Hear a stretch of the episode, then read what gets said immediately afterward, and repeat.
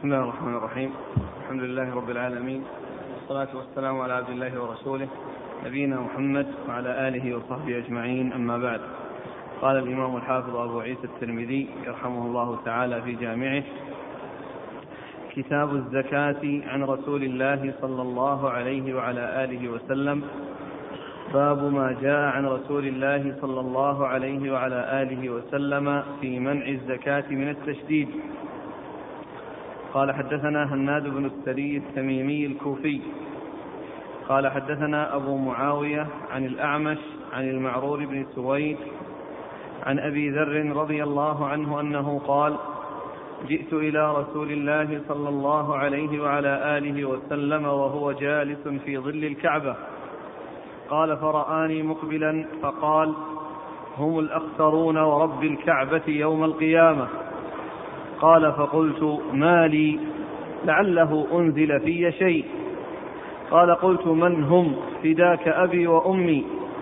فقال رسول الله صلى الله عليه وعلى آله وسلم هم الأكثرون إلا من قال هكذا وهكذا وهكذا. فحثى بين يديه وعن يمينه وعن شماله. ثم قال والذي نفسي بيده لا يموت رجل فيدع إبلا أو بقرا لم يؤد زكاتها إلا جاءته يوم القيامة أعظم ما كانت وأثمنه. تطأه بأخفافها وتنصحه بقرونها. كلما نفدت أخراها عادت عليه أولاها حتى يقضى بين الناس. وفي الباب عن أبي هريرة رضي الله عنه مثله. وعن علي بن أبي طالب رضي الله عنه لعن مانع الصدقة. وعن قبيص بن هلب عن أبيه رضي الله عنه وجابر بن عبد الله رضي الله عنهما وعبد الله بن مسعود رضي الله عنه. قال أبو عيسى حديث أبي ذر حديث حسن صحيح واسم أبي ذر جندب بن السكن ويقال ابن جنادة. قال حدثنا عبد الله بن منير عن عبيد الله بن موسى عن سفيان الثوري عن حكيم بن الديلم عن الضحاك بن مزاحم أنه قال الأكثرون أصحاب عشرة آلاف. قال وعبيد الله بن منير مروزي رجل صالح. بسم الله الرحمن الرحيم. الحمد لله رب العالمين وصلى الله وسلم وبارك على عبده ورسوله نبينا محمد وعلى آله وأصحابه أجمعين. أما بعد فيقول الإمام أبو عيسى الترمذي رحمه الله في جامعه كتاب الزكاة عن رسول الله صلى الله عليه وسلم. أي الأحاديث التي وردت في الزكاة عن رسول الله صلى الله عليه وسلم. والزكاة هي الركن الثالث من أركان الإسلام وهي وهو الركن الذي يأتي بعد الصلاة لأن أركان الإسلام خمسة كما جاءت في حديث جبريل حيث سأله أي سأل النبي صلى الله عليه وسلم عن الإسلام فقال أن تشهد لا إله إلا الله وأن محمد رسول الله وتقيم الصلاة وتؤتي الزكاة سورة رمضان وتحج البيت إن استطاع إليه سبيلا وفي حديث عبد الله بن عمر بن الخطاب رضي الله عنهما بني الإسلام على خمس شهادة أن لا إله إلا الله وأن محمد رسول الله وإقام الصلاة وإيتاء الزكاة وحج البيت وصوم رمضان. فالزكاة هي الركن الثالث من أركان الإسلام. وأعظم أركان الإسلام الشهادتان لأنهما الأساس. فهما أساس في نفسهما وأساس لغيرهما. وكل عمل من الأعمال لا ينفع صاحبه إلا إذا كان مبنيا على شهادة أن لا إله إلا الله وشهادة أن محمد رسول الله فالشهادتان الشهادة في الله بالوحدانية ولنبيه محمد صلى الله عليه وسلم بالرسالة هذا هذا الركن هو الأساس وهو أساس بنفسه وأساس لغيره وكل عمل من الأعمال سواء كانت صلاة أو زكاة أو صيام أو حج أو غير ذلك لا ينفع صاحبه إلا إذا كان مبنيا على هذا الأصل الأصيل والركن الركيم الذي هو شهادة لا إله إلا الله وشهادة أن محمد رسول الله صلى الله عليه وسلم. ومن المعلوم أن شهادة لا إله إلا الله تعني الإخلاص لله عز وجل. وشهادة أن محمد رسول الله يعني المتابعة للرسول صلى الله عليه وسلم. فكل عمل من الأعمال لا ينفع صاحبه عند الله إلا إذا كان خالصا لوجه الله ومطابقا لسنة رسول الله صلى الله عليه وسلم. ثم الصلاة أعظم أركان الإسلام بعد الشهادتين. وهي الصلة الوثيقة بين العبد وبين ربه. وتتكرر في اليوم والليلة خمس مرات. وأما الزكاة فإنها مقدار من المال من أموال الأغنياء جعله الله للفقراء. وهذا المقدار يسير بالنسبة للغني ولكنه كبير بالنسبة للفقير لأنه يسد رمقه ويقضي حاجته والغني أخذ منه شيء قليل من مال كثير. فالله تعالى أعطى الكثير وفرض اليسير. فإن الزكاة تعتبر شيئا يسيرا بالنسبة لأصل المال. ثم هي أيضا سبب لمن لنماء المال وطهارة المال. فهي تطهره وتنميه فتكون سببا في طهارته وسببا في نمائه وكثيرا ما يقرن أو يأتي القرن بين الصلاة والزكاة في كتاب الله وسنة رسوله صلى الله عليه وسلم. وهو يدلنا على عظم شأن الزكاة كونها قرين الصلاة التي هي الصلة الوثيقة بين العبد وبين ربه يدلنا على عظم شأنها. وقد قال الله عز وجل فإن تابوا وأقاموا الصلاة وآتوا الزكاة فخلوا سبيلهم. وقال فإن تابوا وأقاموا الصلاة وآتوا الزكاة فإخوانكم في الدين. وقال ولا ينصرن الله من ينصره إن الله لقوي عزيز. الذين إن مكناهم في الأرض أقاموا الصلاة وآتوا الزكاة وأمروا بالمعروف ونهوا عن المنكر ولله عاقبة الأمور. وقال الله عز وجل وما أمروا إلا ليعبدوا الله مخلصين له الدين حنفاء ويقيموا الصلاة ويؤتوا الزكاة وذلك دين القيمة. فالصلاة قرينة فالزكاة قرينة الصلاة في كتاب الله سبحانه وتعالى. وهي نفعها متعدي يستفيد منه المزكي والمدفوعة إليه الزكاة. يستفيد من إخراجها الغني والفقير. فالغني يستفيد طهارة ماله وزكاء ماله ونمو ماله والصدقة لا تنقص المال بل تزيده وهي من أسباب زيادته. فهي شيء قليل فرضه الله عز وجل في أموال الأغنياء للفقراء ولهذا جاء في حديث معاذ بن جبل في وصيته في وصية في, في حديث ابن عباس في وصية النبي صلى الله عليه وسلم لمعاذ بن جبل حين بعث إلى اليمن لما ذكر له التدرج آه، آه، في الدعوة أولا إلى التوحيد ثم إلى الصلاة قال فإنهم أجابوك لذلك فأعلمهم أن الله افترض عليهم صدقة في أموالهم تؤخذ من أغنيائهم وترد على فقرائهم. تؤخذ من أغنيائهم وترد على فقرائهم. فالزكاة شيء يسير. فرضه الله في مال كثير. فهو سبحانه وتعالى أعطى الكثير وفرض اليسير وهذا اليسير ينفع الغني لأنه يطهر ماله وينميه وهو ينفع الفقير لأنه يسد عوزه ويقضي حاجته و وهذا من من من من, من محاسن هذا الدين الحنيف الذي بعث الله به رسوله الكريم صلى الله عليه وسلم حيث أوجب في أموال الأغنياء حقا للفقراء. وقد أورد أبو عيسى آه، الباب الأول باب ما جاء باب ما جاء عن الرسول صلى الله عليه وسلم في منع الزكاة من التشديد. ما باب ما جاء عن رسول الله صلى الله عليه وسلم في منع الزكاة من التشديد. يعني أن من يمنع الزكاة ولا يؤدي الحق الذي أوجب الله عليه فإن فإن فإن عمله يعني آه، خطير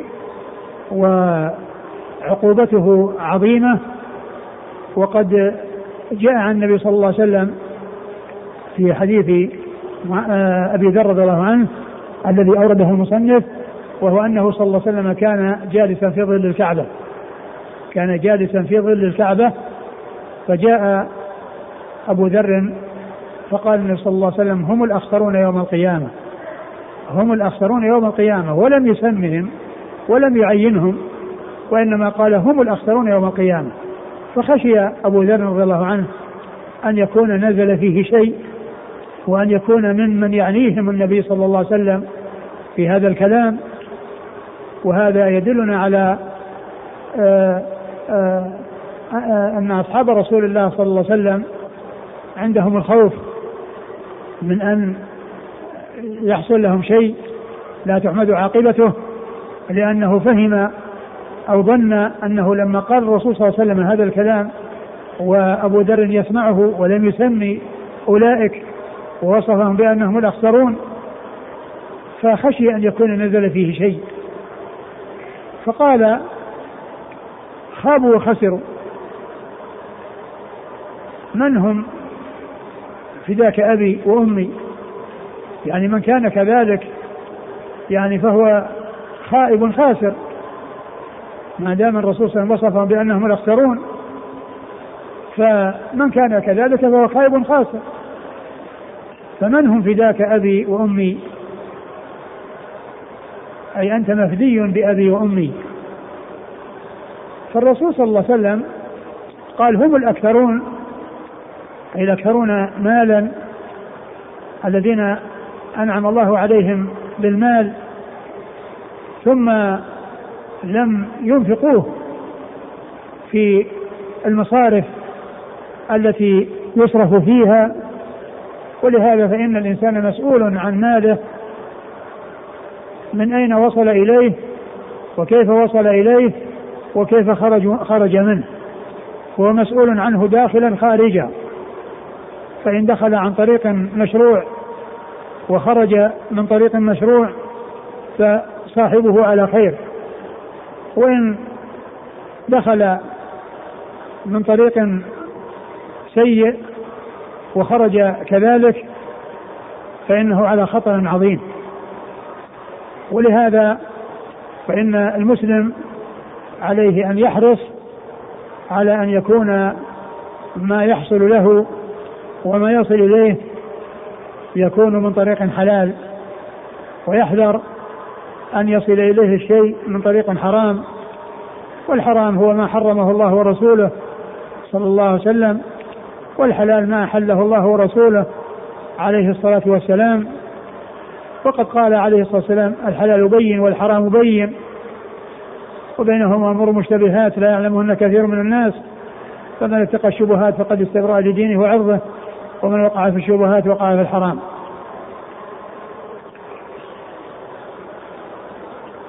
فالحلال هو ما أحله الله ورسوله والحرام ما حرمه الله ورسوله. وأما من لم يوفق ومن كان همه الدنيا ولا يبالي بالنتائج وما يترتب على ذلك إذا خالف فإن الحلال عنده ما حل في يده. الحلال عنده هو الذي وقع في يده ووصل إلى يده والحرام ما لم يصل إلى اليد. هذا هو تعريف الحلال والحرام عند من لم يوفق للحلال أو للأخذ بالحلال وترك الحرام الذي جاء به الإسلام. فالحلال ما حل باليد والحرام ما لم يصل إلى اليد. والإنسان لا يبالي بعض الناس لا يبالي في ما يحصل له في المستقبل ويؤثر لذة عاجلة على عقوبة شديدة تحصل له في المستقبل. والنبي صلى الله عليه وسلم قال حفت الجنة بالمكاره وحفت النار بالشهوات. وحفت النار بالشهوات. فالإنسان إذا أقدم على المحرمات لأن نفسه تميل إليها فإنها لذة عاجلة وتعقبها حسرة عظيمة وشديدة يوم القيامة. قال هم الأكثرون إلا من قال هكذا وهكذا وهكذا وحث عن يمينه وأمامه وعن شماله. يعني معنى ذلك أنه أدى الواجب الذي أوجبه الله تعالى عليه وكذلك تصدق وأحسن في وجوه الخير ووجوه البر بالإضافة إلى ما هو مفروض يأتي بما هو مندوب. ثم إن النبي صلى الله عليه وسلم بين أن من لم يؤدي ما أوجب الله عليه من الزكاة وكان صاحب إبل وبقر فإنه يفتح لها في مكان فتأتيه أوفر ما كانت وأقوى ما كانت وأشد ما كانت فتطأه بخفافها كلما مر عليه أخراها رد عليه أولاها فيعذب بها يعذب بالشيء الذي حصل منه المعصية فيه. الذي حصل منه المعصية فيه يعذب به. يفتح يفتح لها بقاع قرقر فتطعه بخفافها وتنطحه بقرونها أي البقر تنطحه بالقرون وهذه تطعه بخفافها. وهذا هو محل الشاهد من الترجمة الذي هو ما جاء عن النبي صلى الله عليه وسلم من التشديد. في منع الزكاة. وقد جاء في بعض روايات الحديث في الصحيح زيادة وهي قوله صلى الله عليه وسلم حتى يقضى بين الناس فيرى سبيله إما إلى الجنة وإما إلى النار. وهذا هو الذي يستدل به على أن من منع الصلاة الزكاة تهاونا وكسلا وبخلا فإنه لا يكون كافرا وإنما يكون مرتكبا كبيرة لأن النبي صلى الله عليه وسلم قال حتى يرى سبيله إما إلى الجنة وإما إلى النار. ومعلوم أن الكافر لا سبيل له إلى الجنة وليس أمامه إلا إلا النار. فلما قال النبي صلى الله عليه وسلم حتى يرى سبيله إما إلى الجنة وإما إلى النار والكافر لا سبيل له إلى الجنة لا سبيل له إلى الجنة. علم وهذا له سبيل إلى الجنة. علم أنه لا, لا يكون كافرا. اللهم إلا إذا جحد فإن الجحود كفر. من جحد فرض الصلاة الزكاة فإنه يكون كافرا. ولكن الكلام في من لم يؤدي الزكاة بخلا وشحا. فهذا هو الذي لا يكون كافرا. في الحديث واضح الدلالة على خطر منع الزكاة وعلى شدة العقوبة وأن الإنسان يعذب بالشيء الذي حصلت منه المعصية فيه الذي حصلت منه المعصية فيه. وقد جاءت الشريعة في أحاديث كثيرة آه، تدل على العقوبة بالشيء الذي حصل منه فيه الإخلال وحصل فيه التقصير كما جاء في قصة المرأة التي حبست فرة حتى ماتت فلم تتركها فلم تطعمها ولم تتركها تأكل من خشاش الأرض فكانت تعذب بها في نار جهنم تعذب بها في نار جهنم وكذلك الذي قتل نفسه بسم وهو يتحسى في نار جهنم وكذلك الذي رمى بنفسه من شاهق فإنه يتردى في نار جهنم وكذلك من وجأ نفسه بحديدة أو, أو قتل نفسه بحديدة فإنه يجأ بها بطنه يوم القيامة. وكذلك قول صلى الله عليه وسلم ما أسفل من الكعبين فهو في النار. بالنسبة للإسبال فإنه جاءت الشريعة في ذكر العقوبة بالذي حصلت فيه المخالفة. نعم. عن أبي ذر رضي الله عنه أنه قال جئت إلى رسول الله صلى الله عليه وآله وسلم وهو جالس في ظل الكعبة. قال فرآني مقبلا قوله وهو جالس في ظل الكعبة أي أنه جالس في ظلال. وهذا يبين لنا أن الرسول صلى الله عليه وسلم يحتاج إلى الظلال وأنه يستظل عن الشمس وقد ظلل عليه بثوب وهو يرمي جمرة العقبة. وهو يرمي جمرة العقبة صلى الله عليه وسلم. وهنا في الحديث أنه جالس في ظل الكعبة. وبعض المنحرفين عن الصراط المستقيم يقولون يغلون في الرسول صلى الله عليه وسلم ويقولون أنه لا ظل له. لا ظل له لأنه نور. يعكس نور الشمس. فلا يصير له ظل.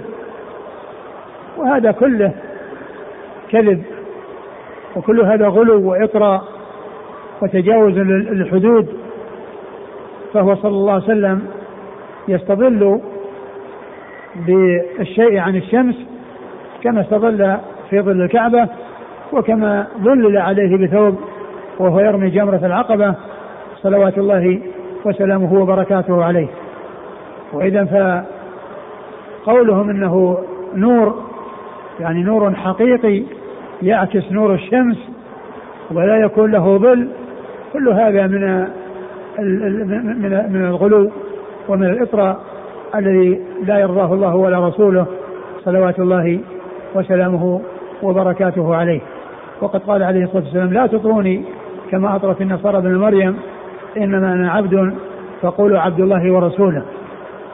وقد كان عليه الصلاة والسلام في بيت عائشة يصلي و وهي في قبلته وكان إذا سجد غمز غمز رجلها بيده فكفتها قالت والبيوت يومئذ ليس فيها مصابيح. والبيوت ليس فيها مصابيح. يعني معنى ذلك أن أن فيه ظلام وأنه يغمزها لأنه لا يعني ليس هناك يعني ضياء فلو كان كما يقولون يعكس نور الشمس وأنه لا ظل له كيف يكون هذا؟ وكذلك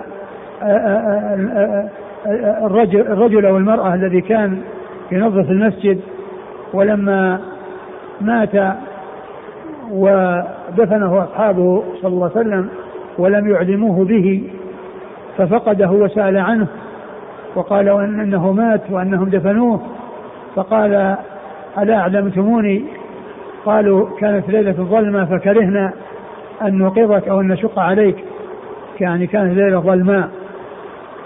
فإن هذا الذي يقولونه آه الذي يقوله آه بعض الذين فتنوا بالغلو بالرسول صلى الله عليه وسلم يقولون مثل ذلك الكلام. ولا شك أن هذا باطل. والرسول صلى الله عليه وسلم نور له هو نور ولكن نور معنوي. هو نور الحق والهدى. والله عز وجل يقول يا أيها النبي انا أرسلناك شاهدا مبشرا وداعيا الله بإذنه وسراجا منيرا. وهو سراج منير يضيء الطريق إلى الله عز وجل. وكما قال أبو بكر رضي الله عنه في طريق الهجرة هذا هادي يهديني الطريق. يهديني الطريق. وهذا النور مثل نور القرآن. الذي ذكره الله عز وجل في, في قوله فآمنوا بالله ورسوله هو النور الذي أنزلنا. فإن نور القرآن نور معنوي مو نور حسي معناه أنه يضيء وأنه آآ آآ يكون فيه إضاءة حسية مشاهدة معاينة يعني تبدد الظلام. ليس هذا هو النور الذي أضافه الله عز وجل إلى في قوله فآمنوا بالله ورسوله هو النور الذي أنزلنا. فإنه نور معنوي يضيء الطريق إلى الله عز وجل ويبصر الناس فيما يصلون إليه ويسلكونه في الوصول إلى آه ما يريدون. في ظل الكعبة إيش؟ هذا. قال فرآني مقبلا فقال هم الأخسرون ورب الكعبة يوم القيامة. قال فقلت ما لي لعله أنزل في شيء. وهذا الذي حصل لأبي ذر رضي الله عنه من الخوف على نفسه هذا نظير ما حصل لثابت بن قيس بن شماس رضي الله عنه لما نزل قول الله عز وجل يا أيها الذين آمنوا لا ترفعوا أصواتكم فوق صوت النبي ولا تجهروا له بالقول كجهر بعضكم لبعض أن تحبط أعمالكم وأنتم لا تشعرون خشي أن يكون نزلت هذه الآية فيه لأنه كان جهوري الصوت. خلقة. الله جعل صوته جهوريا. فكان صوته يكون مرتفعا عند رسول الله صلى الله عليه وسلم بطبيعته لأن الله جعل صوته جهوريا. فخشي أن تكون نزلت فيه هذه الآية. فدخل في بيته وجعل يبكي. خوفا أن يكون ممن تعنيهم هذه الآية. ففقده الرسول صلى الله عليه وسلم. وقال لسعد بن معاذ يا أبا المنذر أين ثابت بن قيس بن شماس؟ فقال أنا أتيك بخبره يا رسول الله. فذهب إليه ووجده في بيته وكان يبكي. لما نزلت هذه الآية خشي أن تكون نزلت فيه. فجاء وأخبر النبي صلى الله عليه وسلم فقال إنه من أهل الجنة. إنه من أهل الجنة. فصار ممن شهد له رسول الله صلى الله عليه وسلم بالجنة. وأبو ذر رضي الله عنه لما سمع هذا الكلام وكان مقبلا على الرسول صلى الله عليه وسلم خشي أن يكون نزل فيه شيء. فقال ما لي؟ قال ما لي؟ إيش؟ فقلت ما لي لعله أنزل في شيء. نعم. قال فقلت من هم؟ فداك أبي وأمي. فقال رسول الله صلى الله عليه وسلم هم الأكثرون. وهذا والإبهام وعدم التعيين يجعل السامع يحرص على معرفة من يكون كذلك. وكان عليه الصلاة والسلام يأتي بألفاظ آه، يجمل فيها أو يأتي بأوصاف لشيء لم يذكره فيجعل السامع يتشوق ويحرص على معرفة ذلك الذي وصف بهذه الأوصاف. فيأتي بعد ذلك الجواب أو التعيين والتحديد كما في آخر حديث في صحيح البخاري حديث أبي هريرة كلمتان حبيبتان إلى الرحمن خفيفتان على اللسان ثقيلتان في الميزان. سبحان الله وبحمده سبحان الله العظيم. فالرسول صلى الله عليه وسلم ذكر هذا الوصف لهؤلاء وأجمل ذلك وأبهمه وأبهمهم فقال هم الأخسرون يوم القيامة. فعند ذلك سأل أبو ذر رضي الله عنه رسول الله صلى الله عليه وسلم فقال هم الأكثرون أي الأكثرون مالا؟ الذين كثرت أموالهم وصارت وبالا عليهم بحيث لم يصرفوها في المصارف التي شرع الله تعالى أن تصرف فيها. هم الأكثرون إلا من قال هكذا وهكذا وهكذا فحثى بين يديه وعن يمينه وعن شماله. ثم قال والذي نفسي بيده لا يموت رجل فيدع إبلا أو بقرا لم يؤد زكاتها إلا جاءته يوم القيامة أعظم ما كانت وأثمنه. تطأه بأخفافها وتنطحه بقرونها. كلما نفدت أخراها عادت عليه أولاها حتى يقضى بين الناس. يفتح لها فتمر وتأتي أسمن ما كانت وأوفر ما كانت. أوفر ما كانت من ناحية الكثرة وأسمن ما كانت من ناحية الصفة. فهي يعني في كثرتها وفي صفتها تمر عليه واحدة تلو الأخرى من أولها إلى آخرها فإذا مر عليه آخرها رد عليه أولها حتى تمر عليه كلها ويأتي آخرها ثم ترجع عليه مرة أخرى وهكذا حتى يقضى بين الناس. وهكذا حتى يقضى بين الناس يعذب بها يعذب بهذه التي لم يؤدي حق الله تعالى فيها. فإذا قضي بين الناس رأى سبيله إما إلى الجنة وإما إلى النار. نعم. إبل أو بقر. إبل أو بقر. يعني جاء في إبل أو بقر يعني هذا للتنويع. يعني للتنويع. يعني سواء كانت إبلا أو بقر إذا كانت إبل فتطعه بأقدام بخفافها. وإذا كانت بقرا فإنها تطع فإنها تنطحه بقرونها. تنطحه بقرونها. وإذا كانت آه للإنسان هذا وهذا ف ولم يؤدي حق هذا ولا حق هذا فإنها تمر عليه وهذه تطأه بأقدامها وهذه تنطحه بقرونها. يعني ذكر نوعين من بهيمة الأنعام نعم. يذكر الثالث نعم.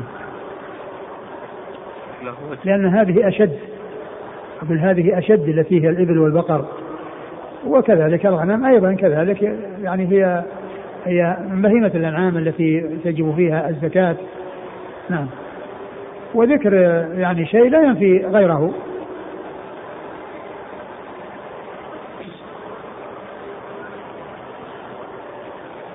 رواية ثانية بطح له بقاع قرقر نعم يعني بقاع قرقر يعني آه يعني حتى يعني يكون آه إذا وطأ إذا إذا وطأته إذا إذا حصل وطئها تكون على شيء يعني آه ما هو لين يعني بحيث إنه يعني ينزل أو يعني يكون أخف عليه فإنه يعني تصيبه الشدة من فوق ومن تحت. قال حدثنا هناد بن السري هناد بن السري أبو السري ثقة أخرجه البخاري في خلق افعال العباد ومسلم وأصحاب السنة. عن أبي معاوية عن أبي معاوية محمد بن خازم الضرير الكوفي ثقة أخرجه أصحاب الكتب الستة. عن الأعمش عن الأعمش وهو سليمان بن مهران الكاهلي وهو ثقة أخرجه أصحاب الكتب الستة. عن المعرور بن سويد المعرور بن سويد وهو ثقة مخضرم أخرج له أصحاب الكتب الستة وكان معمرا وقد ذكر عنه أن أنه أن عمره آه، مئة وعشرون سنة وكان أسود شعر الرأس واللحية. يعني آه، يعني آه، هذا السواد خلقة ليس يعني عن طريق الصبغ وإنما هو عن طريق طريق الخلقة. يعني بقي شعره هكذا أسود رأسه ولحيته سوداء رأسه أسود ولحيته سوداء وكان عمره مئة وعشرين سنة. ومثله من المعمرين سويد بن غفلة وكان أيضا من المخضرمين وكان عمره مئة وعشرين سنة وكان يصلي بالناس التراويح في رمضان. يصلي بالناس التراويح في رمضان. عن أبي ذر. عن أبي ذر جندب بن جنادة رضي الله تعالى عنه وحديثه أخرجه أصحاب الكتب الستة.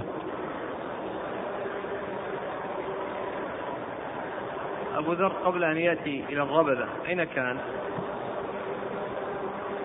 وكان في المدينة. وقبل ذلك هو كان جاء هو من أسلم يعني في في مكة وجاء الرسول في مكة. وبعد ذلك ذهب يعني إلى قومه. من ذكر الشارح ذكر الشارح أنه أسلم قديما وأنه من من أول من أسلم. وأنه ذهب ولما جاء الرسول صلى الله عليه وسلم إلى إلى هجر المدينة جاءه عام الخندق.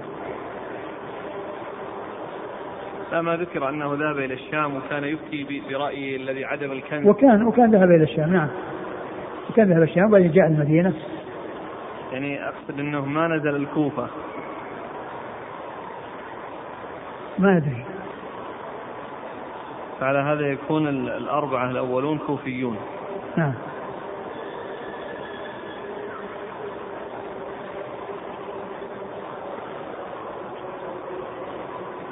قال وفي الباب عن أبي هريرة مثله.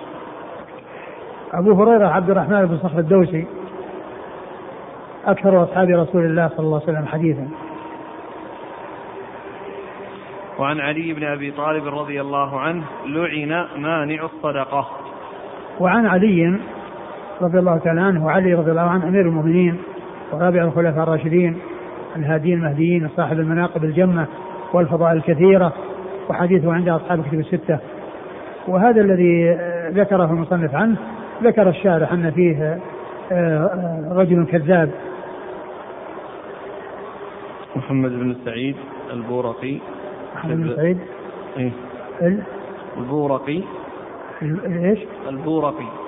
ال محمد بن سعيد. البورقي. البورقي. نعم. نعم. أخرجه سعيد بن منصور والبيهقي والخطيب في تاريخه. نعم. وعن قبيصة بن هلب عن أبيه. وقبيصة بن هلب قبيصة مقبول أخرج له. أبو داود والترمذي وابن ماجه. أبو داود والترمذي وابن ماجه وأبوه هلب صحابي أخرجه أبو داود والترمذي وابن ماجه. وجابر بن عبد الله. وجابر بن عبد الله الأنصاري رضي الله عنهما أحد السبعة المكثرين من رواية حديث رسول الله صلى الله عليه وسلم. وعبد الله بن مسعود. وعبد الله بن مسعود الهذلي أخرج حديثه أصحاب الكتب الستة. قال أبو عيسى حديث أبي ذر حديث حسن صحيح واسم أبي ذر جندب بن السكن ويقال ابن جنادة. نعم. قال حدثنا عبد الله بن منير عن عبيد الله بن موسى عن سفيان الثوري عن حكيم بن الديلم عن الضحاك بن مزاحم قال الأكثرون أصحاب عشرة آلاف. آه ثم أورد هذا الأثر عن ضحاك المزاحم وقال الأكثرون أصحاب عشرة آلاف أي عشرة آلاف درهم. أصحاب عشرة آلاف درهم. نعم. عبد الله بن منير. نعم. هو ثقة أخرج له البخاري. والترمذي والنسائي. الترمذي والنسائي. عن عبيد الله بن موسى. عن عبيد الله بن موسى ثقة أخرجه أصحاب الكتب الستة. عن سفيان الثوري. سفيان بن سعيد بن مسروق الثوري ثقة أخرجه أصحاب الكتب الستة. عن حكيم بن الديلم. عن حكيم بن الديلم وهو ثقة. صدوق. وهو صدوق أخرج له البخاري في الأدب المفرد وأبو داود. البخاري في المفرد وأبو داود. الترمذي والنسائي. والترمذي والنسائي. عن الضحاك بن مزاحم. عن الضحاك بن مزاحم وهو صدوق كثير, كثير. الإرسال. كثير الإرسال. أخرجه أصحاب السنة. أخرجه أصحاب السنة. تقييد هذا الأكثرون هم أصحاب عشرة آلاف درهم. يعني كان يعني بيان آه، مبتدأ الكثرة مبتدأ الكثرة. لكن كما هو معلوم حتى لو كان أقل من ذلك فيعني فإن كل من لم يؤدي الزكاة فإنه يعذب. وقد جاء عن النبي صلى الله عليه وسلم في حديث آخر في الصحيحين أن ما من صاحب ذهب وفضة لا يؤدي حقها إلا كان يوم القيامة صفحت له صفائح من نار فيكوى بها جنبه وظهره وجبينه. وثم ذكر صاحب الإبل والبقر. والغنم. نعم. يقول أبو بكر ابن العربي وإنما جعله حد الكثرة لأنه قيمة النفس المؤمنة. يعني الدية. وما دونه في حد القلة وهو فقه بالغ. مم. وقد روي عن غيره وإني لأستح لأستحبه قولا و وأصوبه رأيا.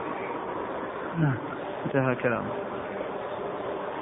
وفي حاجة النسخة الأحمدية هذا التفسير من الضحاك لحديث آخر هو قوله صلى الله عليه وسلم من قرأ ألف آية كتب من المكثرين المقنطرين. وفسر المكثرين بأصحاب عشرة آلاف درهم وأورد الترمذي هذا التفسير ها هنا لمناسبة ضعيفة انتهى ما في الحاشية. نعم.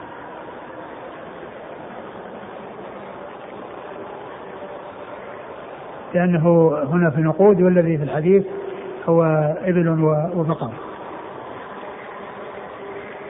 لكن من ناحية الحكم وحصول العذاب والعقوبة لا تتقيد بكثرة ولا قلة وإنما تتقيد بعدم الإتيان بالواجب الذي أوجبه الله عز وجل من الزكاة وسواء كانت قليلة أو كثيرة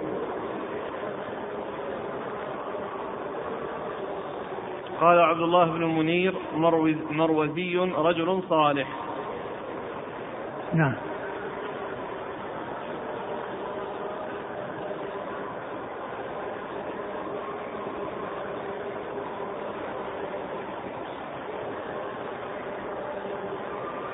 يقول هنا ذكر في الحديث عقوبة من منع زكاة بهيمة الأنعام فما عقوبة من ترك زكاة الأموال الذهب والفضة جاء في الحديث أيضا الحديث في الصحيحين.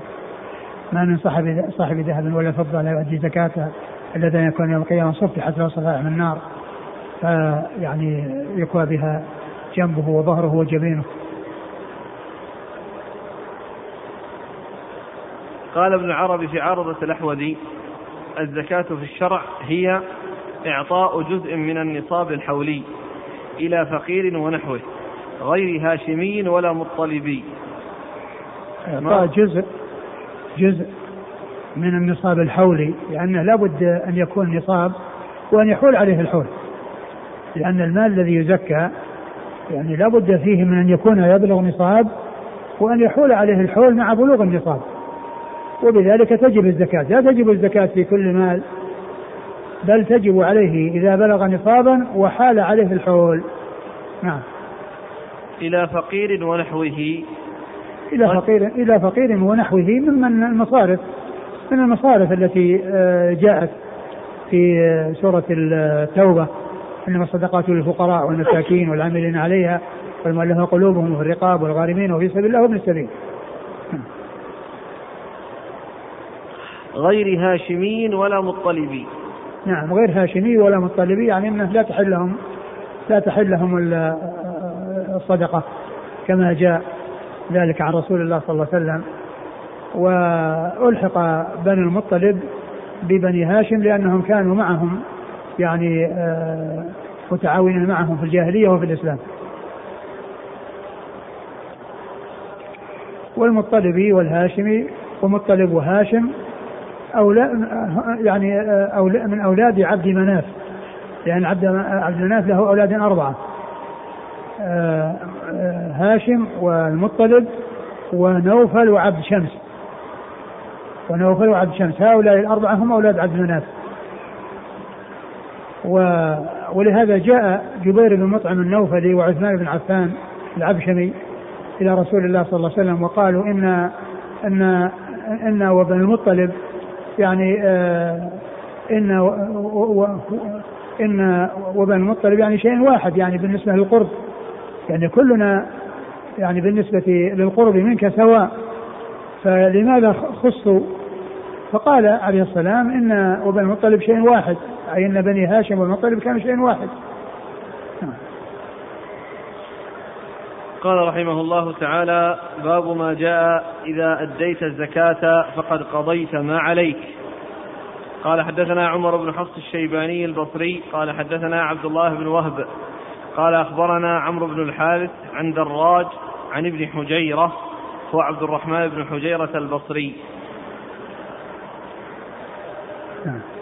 عن أبي هريرة رضي الله عنه أن النبي صلى الله عليه وسلم قال إذا أديت زكاة مالك فقد قضيت ما عليك قال أبو عيسى هذا حديث حسن غريب وقد روي عن النبي صلى الله عليه وسلم من غير وجه أنه ذكر الزكاة فقال رجل يا رسول الله هل علي غيرها؟ فقال لا إلا أن تتطوع أو تتطوع. ثم ورد أبو عيسى رحمه الله حديث أبي هريرة. باب ما جاء إذا أديت الزكاة فقد قضيت ما عليك. باب ما جاء إذا أديت الزكاة فقد قضيت ما عليك أي من الواجب. أي ما عليك من الواجب الذي فرضه الله عز وجل في المال زكاة. ولا يعني ذلك يعني أن الأمور الأخرى آه التي آه هي واجبة على الإنسان كالنفقة على أهله وعلى أولاده وعلى زوجه وأبيه وأمه فإن هذه واجبة. لكن الكلام فيما أدي عليه من الحق الواجب الذي كان بسبب المال بسبب المال وبسبب كثرة المال الذي في الزكاة. وأما من تجب له النفقة فهذه مسألة أخرى. يعني غير الذي وجب بكثرة المال وبملك المال لأن النفقة واجبة على على المسؤول عنها سواء كثر المال أو قل سواء كان كثر المال عنده أو قل فإنه ينفق من المال الذي أعطاه الله قليلا أو كثيرا. كما قال الله عز وجل لينفق له سعة من سعته ومن قدر عليه رزقه فلينفق مما آتاه الله. لا يكلف الله نفسا إلا ما آتى آتاها سيجعل الله بعد عسر يسرا. فأورد حديث أبي هريرة نعم. النبي صلى الله عليه وسلم قال إذا أديت ما عليك إذا أديت زكاة مالك. إذا أديت زكاة مالك فقد أديت ما عليك. قضيت. أي أديت؟ قضيت. فقد قضيت ما عليك. أي ما عليك من الواجب يعني في المال. ما عليك من الواجب في المال الذي هو الزكاة. فتكون أديت ما هو واجب عليك ويبقى بعد ذلك التطوع والإحسان الذي هو مستحب ومندوب ومرغب فيه. نعم. قال حدثنا عمر بن حفص الشيباني البصري. عمر بن حفص الشيباني. نعم. أخرجه الترمذي. نعم. نعم. عن عبد الله بن وهب. عبد الله بن وهب المصري ثقة أخرجه أصحاب كتب الستة. عن عمرو بن الحارث. عن عمرو بن الحارث المصري ثقة أخرجه أصحاب كتب الستة. عن دراج. عن دراج وهو صدوق. إلا في رواية أبي الهيثم عنه ففيها إلا في رواية أبي الهيثم عنه ففيها ضعف وليس هذا منها. أخرج حيثه خلف المفرد وأصحاب السنن. البخاري في الأدب المفرد وأصحاب السنن. عن ابن حجيرة. عن ابن حجيرة هو عبد الرحمن. بن حجيرة. عبد الرحمن بن حجيرة. وهو ثقة. أخرجه مسلم وأصحاب السنن. ثقة أخرجه مسلم وأصحاب السنن. عن أبي هريرة. عن أبي هريرة رضي الله عنه وقد مر ذكره. هنا قال عبد الرحمن بن حجيرة البصري. هو لعله المصري لأن الرواة كلهم مصريين اللي قبله. يعني دراج مصري وعبد الله بن وهب مصري وعمرو بن الحارث مصري وهذا أظن ذكر في الحاشية. حاشية التقريب. نعم. قال إنه كذا آه، المصري كذا في المخطوطة والتهذيبين وهو الصواب وفي أكثر النسخ المطبوعة البصري وهو خطأ. يعني البصري والمصري متقاربة من ناحية الرسم. فيحصل فيحصل التصحيح فيما بينهما.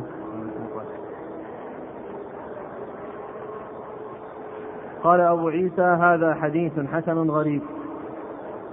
والحديث ضعفه الألباني في يعني في السنن ولكنه صح حسنه في صحيح في صحيح الترغيب والترغيب.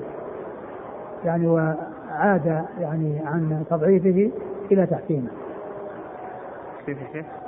أول كان ضعفه في في, في السنن ولكنه آه، في صحيح الترغيب والترهيب قال إنه حسن.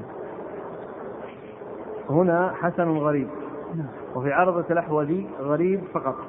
نعم. محمد فؤاد الباقي ما يقابل النسخ بس الشيخ محمد شاكر. عمل الشيخ محمد فؤاد عبد الباقي. إيه. فيه مقابلة نسخ؟ لا. ما ما ما نعرف. ما في ما نعرف. ما عنده الا ما عنده إلا هذا التخريج اليسير مسلم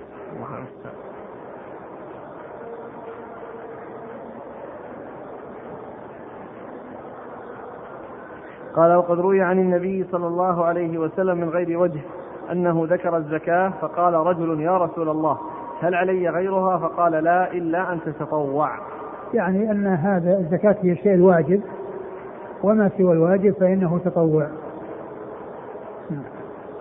قال حدثنا محمد بن إسماعيل قال حدثنا علي بن عبد الحميد الكوفي قال حدثنا سليمان بن المغيرة عن ثابت عن أنس رضي الله عنه أنه قال كنا نتمنى أن يأتي الأعرابي العاقل فيسأل النبي صلى الله عليه وسلم ونحن عنده فبينا نحن كذلك إذا أتاه أعرابي فجثى بين يدي النبي صلى الله عليه وآله وسلم فقال يا محمد إن رسولك أتانا فزعم لنا أنك تزعم أن الله أرسلك. فقال النبي صلى الله عليه وعلى آله وسلم نعم. قال فبالذي رفع السماء وبسط الأرض ونصب الجبال. آه الله أرسلك. فقال النبي صلى الله عليه وآله وسلم نعم. قال فإن رسولك زعم لنا أنك تزعم أن علينا خمس صلوات في اليوم والليلة. فقال النبي صلى الله عليه وآله وسلم نعم. قال فبالذي أرسلك. آه الله أمرك بهذا؟ قال نعم. قال فإن رسولك زعم زعم لنا أنك تزعم أن علينا صوم شهر في السنة. فقال النبي صلى الله عليه وسلم صدق. قال فبالذي أرسلك آه الله أمرك بهذا؟ قال النبي صلى الله عليه وآله وسلم نعم. قال فإن رسولك زعم لنا أنك تزعم أن علينا في أموالنا الزكاة. فقال النبي صلى الله عليه وآله وسلم صدق. قال فبالذي أرسلك آه الله أمرك بهذا؟ قال النبي صلى الله عليه وآله وسلم نعم. قال فإن رسولك زعم لنا أنك تزعم أن علينا الحج إلى البيت من استطاع إليه سبيلا. فقال النبي صلى الله عليه وآله وسلم نعم. قال فبالذي أرسلك؟ آه الله أمرك بهذا؟ فقال النبي صلى الله عليه وآله وسلم نعم. قال فقال والذي بعثك بالحق. لا أدع منهن شيئا ولا أجاوزهن ثم وثب. فقال النبي صلى الله عليه وآله وسلم إن صدق الأعرابي دخل الجنة. قال أبو عيسى هذا حديث حسن غريب من هذا الوجه وقد روي من غير هذا الوجه عن أنس عن النبي صلى الله عليه وسلم. سمعت محمد بن إسماعيل يقول قال بعض أهل العلم فقه هذا الحديث أن القراءة على العالم والعرض عليه جائز. مثل السماع. واحتج بأن الأعرابي عرض على النبي صلى الله عليه وآله وسلم فأقر به النبي صلى الله عليه وسلم. ثم ورد أبو عيسى حديث أنس بن مالك رضي الله تعالى عنه الذي قال إنهم كانوا يتمنون أن يأتي أعرابي عاقل فيسأل الرسول صلى الله عليه وسلم عن أسئلة فيجيبه عليها وهم يسمعون. وذلك أنهم كانوا يتحرجون من سؤاله خشية أن يدخل تحت قول الله عز وجل يا أيها الذين آمنوا لا تسألوا عن أشياء تبد لكم تسؤكم فكانوا يتمنون أن يأتي أعرابي يسأل الرسول صلى الله عليه وسلم وأعرابي عاقل لأن العاقل هو الذي يأتي بالأسئلة المهمة والأسئلة المفيدة. ف فبينهم كذلك دخل أعرابي فجثى عند رسول الله صلى الله عليه وسلم وجعل يسأله عن أمور أخبرهم بها رسول رسول الله صلى الله عليه وسلم إليهم وهي كونه رسول من عند الله وكون الله عز وجل أوجب عليهم الصلاة والزكاة والصيام والحج. فسأله عن هذه الأشياء واحدا واحدا وليتثبت في ذلك وعبر بالزعم والزعم المراد به الخبر المحقق. الخبر المحقق ويأتي كثيرا في الأحاديث وفي كلام العلماء في أمر محقق وليس في أمر مشكوك فيه أو في أمر يعني غير مطمئن إليه وإنما يأتي في الخبر المحقق. أعد من أوله عن أنس رضي الله عنه أنه قال كنا نتمنى أن يأتي الأعرابي العاقل فيسأل النبي صلى الله عليه وآله وسلم ونحن عنده فبينا نحن كذلك إذ أتاه أعرابي. فجثى بين يدي النبي صلى الله عليه وسلم فقال يا محمد إن رسولك أتانا فزعم لنا أنك تزعم أن الله أرسلك. فقال النبي صلى الله عليه وسلم نعم. قال فبالذي رفع السماء وبسط الأرض ونصب الجبال الله أرسلك؟ فقال النبي صلى الله عليه وسلم نعم. قال فإن رسولك زعم لنا أنك تزعم أن علينا خمس صلوات في اليوم والليلة. فقال النبي صلى الله عليه وسلم نعم. نعم كل كل هذه هذه الأسئلة التي سأل عنها وفي كل موضع يعني آآ آآ آآ يستفهم ويقول الله أرسلك الله أمرك بهذا الله أمرك بهذا وفي كل شيء من ذلك يقول صلى الله عليه وسلم نعم. ثم بعد ذلك قال إنه لا يزيد على ذلك ولا ينقص. أي يعني فيما هو واجب. أي فيما هو واجب. يعني لا يزيد فيما هو واجب عليه عن هذا الشيء. وأما فيما يتعلق بالنوافل وما يتعلق بهذا فهذا شيء آخر. نعم؟ بعد الحديث. قال فقال عليه وسلم ان صدق الأعرابي دخل الجنة فقال أبو عيسى هذا حديث حسن غريب من هذا الوجه. وقد روي عن من غير هذا الوجه عن أنس عن النبي صلى الله عليه وسلم. ثم قال سمعت محمد بن إسماعيل يقول قال بعض أهل العلم فقه هذا الحديث أن القراءة على العالم والعرض عليه جائز مثل السماع واحتج بأن الأعرابي عرض على النبي صلى الله عليه وسلم فأقر به العرض عند المحدثين هو قراءة قراءة التلميذ على الشيخ وهو يسمع أو سؤاله عن الشيء واستفهامه عن الشيء فيقره عليه وقالوا إنه مثل السماع. السماع أن يكون المحدث يتكلم ويسمع التلاميذ وهم يأخذون عنه ولا شك أن السماع من الشيخ هو أعلى يعني الدرجات وأعلى ما يكون إذا كان إملاء إذا كان على سبيل الإملاء بما فيه من الضبط. والتثبت والعرض لا شك أنه صحيح ولهذا جاء في أحاديث كثيرة يعني يأتي فيها سؤال يعني ثم يأتي في الجواب في الآخر نعم. فيكون هذا هو العرض يعرض على الشيخ ما عنده فيقره على ذلك فيقره على ذلك. ويفرقون بين ما سمع أو ما أخذ عن طريق السماع وعن طريق العرض بأن يعني بعض العلماء يعبر بما كان عن طريق السماع بحدثنا وما كان عن طريق العرض بأخبرنا. وبعض أهل العلم لا يفرق بينهما بل يستعمل هذه وهذه في هذا وفي هذا. ففي يؤتى بحدثنا وأخبرنا فيما كان سماعا أو كان عرضا. وبعضهم يفرق بين هذا وهذا ويخص السماع بما بحدثنا ويخص العرض باخبرنا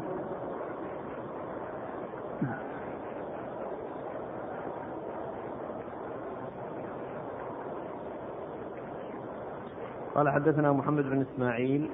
محمد بن إسماعيل هو البخاري أمير المؤمنين في الحديث اخرج آه، وهو من رجال الترمذي والنسائي.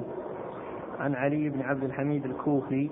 عن علي بن عبد الحميد الكوفي وهو ثقة أخرج البخاري تعليقا والترمذي والنسائي. ثقة أخرج البخاري تعليقا والترمذي والنسائي. عن سليمان بن المغيرة. عن سليمان بن المغيرة وهو ثقة. أخرج أصحاب الكتب. أخرج أصحاب الكتب الستة نعم. عن ثابت. عن ثابت بن أسلم البناني ثقة. أخرج أصحاب الكتب الستة. عن أنس رضي الله عنه خادم رسول الله صلى الله عليه وسلم وأحد المكثرين من رواية الحديث عن رسول الله صلى الله عليه وسلم.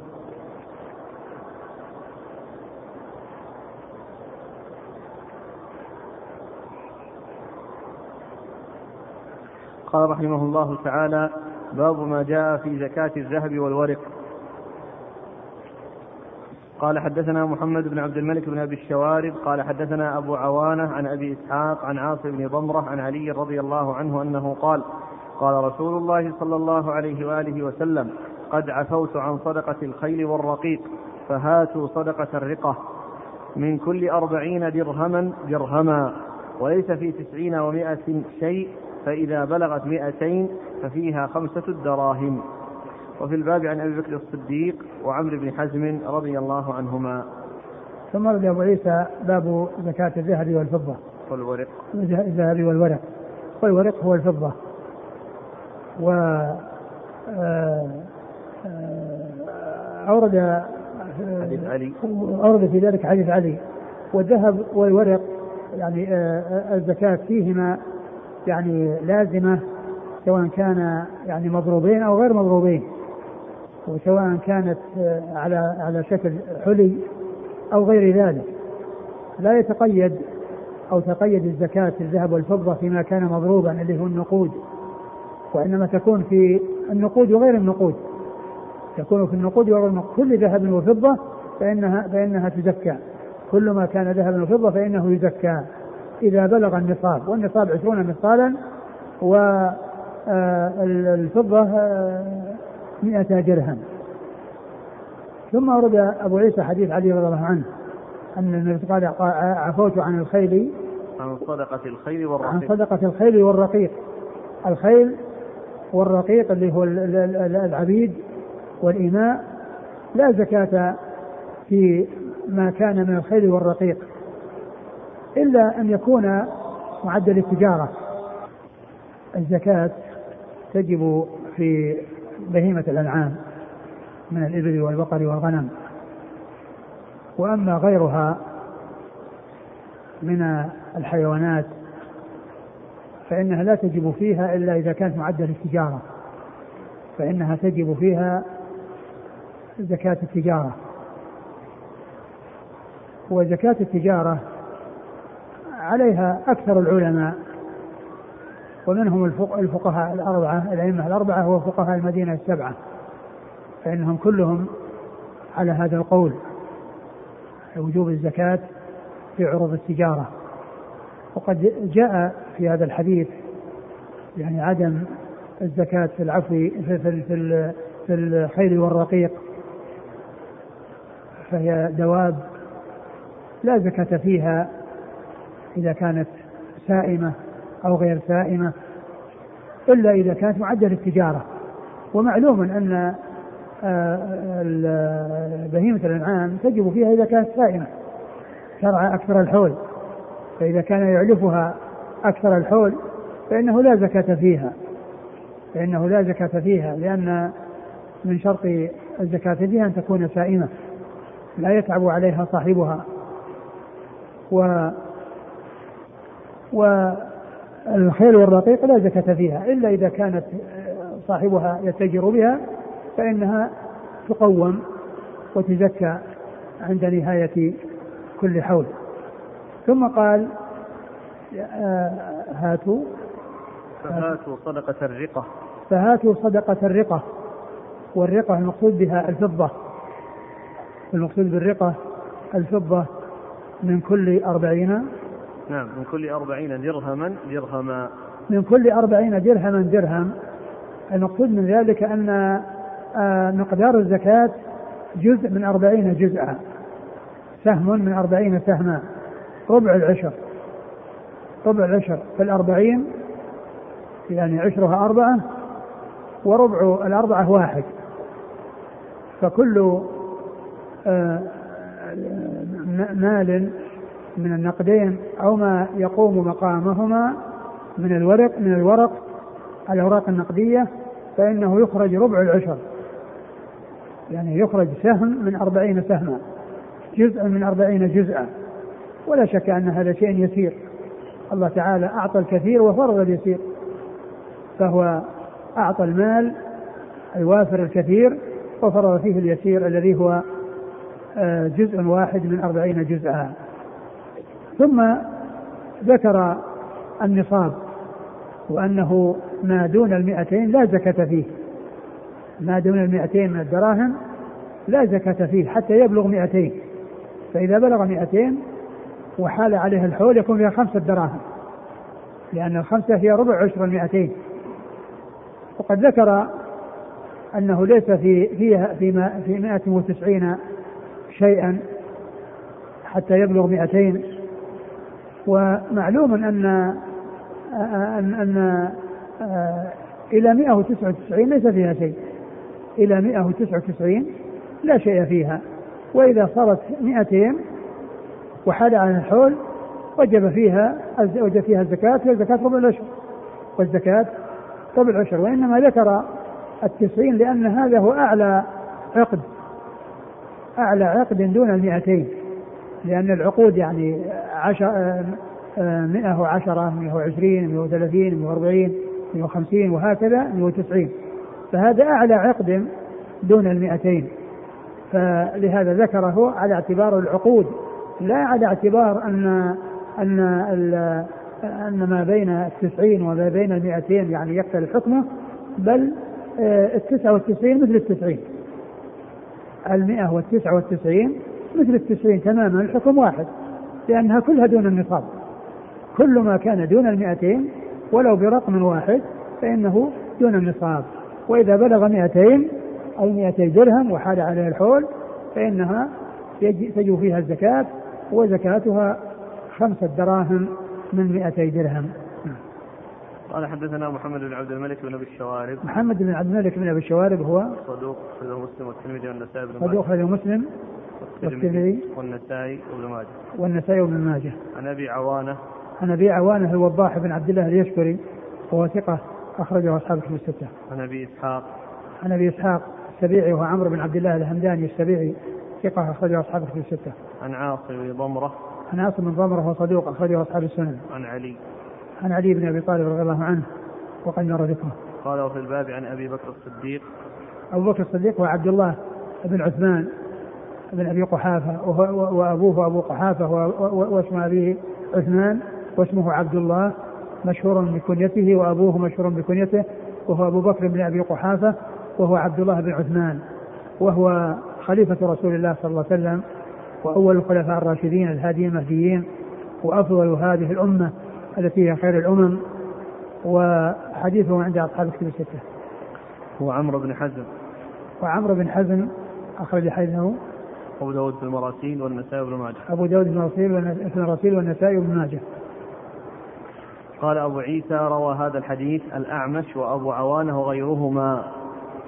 الأعمش مر ذكره وأبو عوانة مر ذكره. عن أبي إسحاق عن عاصم بن ضمر عن علي وروى سفيان الثوري وابن عيينة. سفيان الثوري مر ذكره وابن عيينة وسفيان بن عيينة. ثقة أخرجه أصحاب الكتب الستة. وغير واحد عن أبي إسحاق عن الحارث عن علي. يعني هذه طريقة أخرى عن أبي إسحاق. فيها الحارث عن علي والأولى فيها عبد الله بن ضمرة. عاصم. عاصم بن ضمرة عن علي. وكلا الطريقين يعني صحيح من حيث الرواية ولكن رواية عاصم هي المعتمدة وهي المعتبرة ورواية والحارث ضعيف ولكن العبرة على الطريقة الأولى. نعم. الحارث بن عبد الله الأعور في حديثه ضعف أخرجه أصحاب السنن. نعم. قال أخرجه أصحاب السنن نعم. قال وسألت محمدا عن هذا الحديث فقال كلاهما عندي صحيح. عن أبي إسحاق يحتمل أن يكون روي عنهما جميعا. أنه روى عنهما. روى عنهما جميعا. يعني كلاهما يعني صحيح يعني من حيث الرواية لا من حيث الإسناد. يعني الإسناد الثاني ضعيف. نعم. يحتمل يكون روى عنهما جميعا. نعم. والله تعالى أعلم. وصلى الله وسلم وبارك على عبده ورسوله نبينا محمد وعلى آله وأصحابه أجمعين. جزاكم الله خيرا وبارك الله فيكم ونفعنا الله بما قلتم. بالأمس كان الإسناد اللي قبل الأخير في المجلد الثاني آه، البخاري عن ابن نمير عن عبيد الله بن موسى. وقلنا عبد الله بن نمير على المشهور. ونبه احد الأخوان على ابن نمير اسناد إيه؟ في فضل إيه؟ الصلاة. نعم. قال البخاري قال البخاري عن ابن نمير عن عبيد الله بن موسى. نعم. قلنا ابن نمير عبد الله بن نمير. نعم. ثقة أخرج نعم. فنبهنا أحد الإخوان فلما رجعنا الصواب أنه محمد بن عبد الله بن نمير. محمد إيه؟ بن عبد الله مو بعبد الله. عبد الله آه يكون دائما يكون شيخ شيخ البخاري ما يكون شيخ البخاري. نعم. وأما اللي شيخ البخاري يروي عنه مباشرة فهو محمد بن عبد الله بعد مراجعة التهذيب أيوه. في عدة مواطن. فهو محمد بن عبد الله بن نمير ثقة أخرج أصحاب الكتب السته أصحاب الكتب؟ نعم. يعني مثل عبد الله بن نمير مثل أبي نعم. نكتفي بهذا. جزاكم الله خيرا وبارك الله فيكم ونفعنا الله.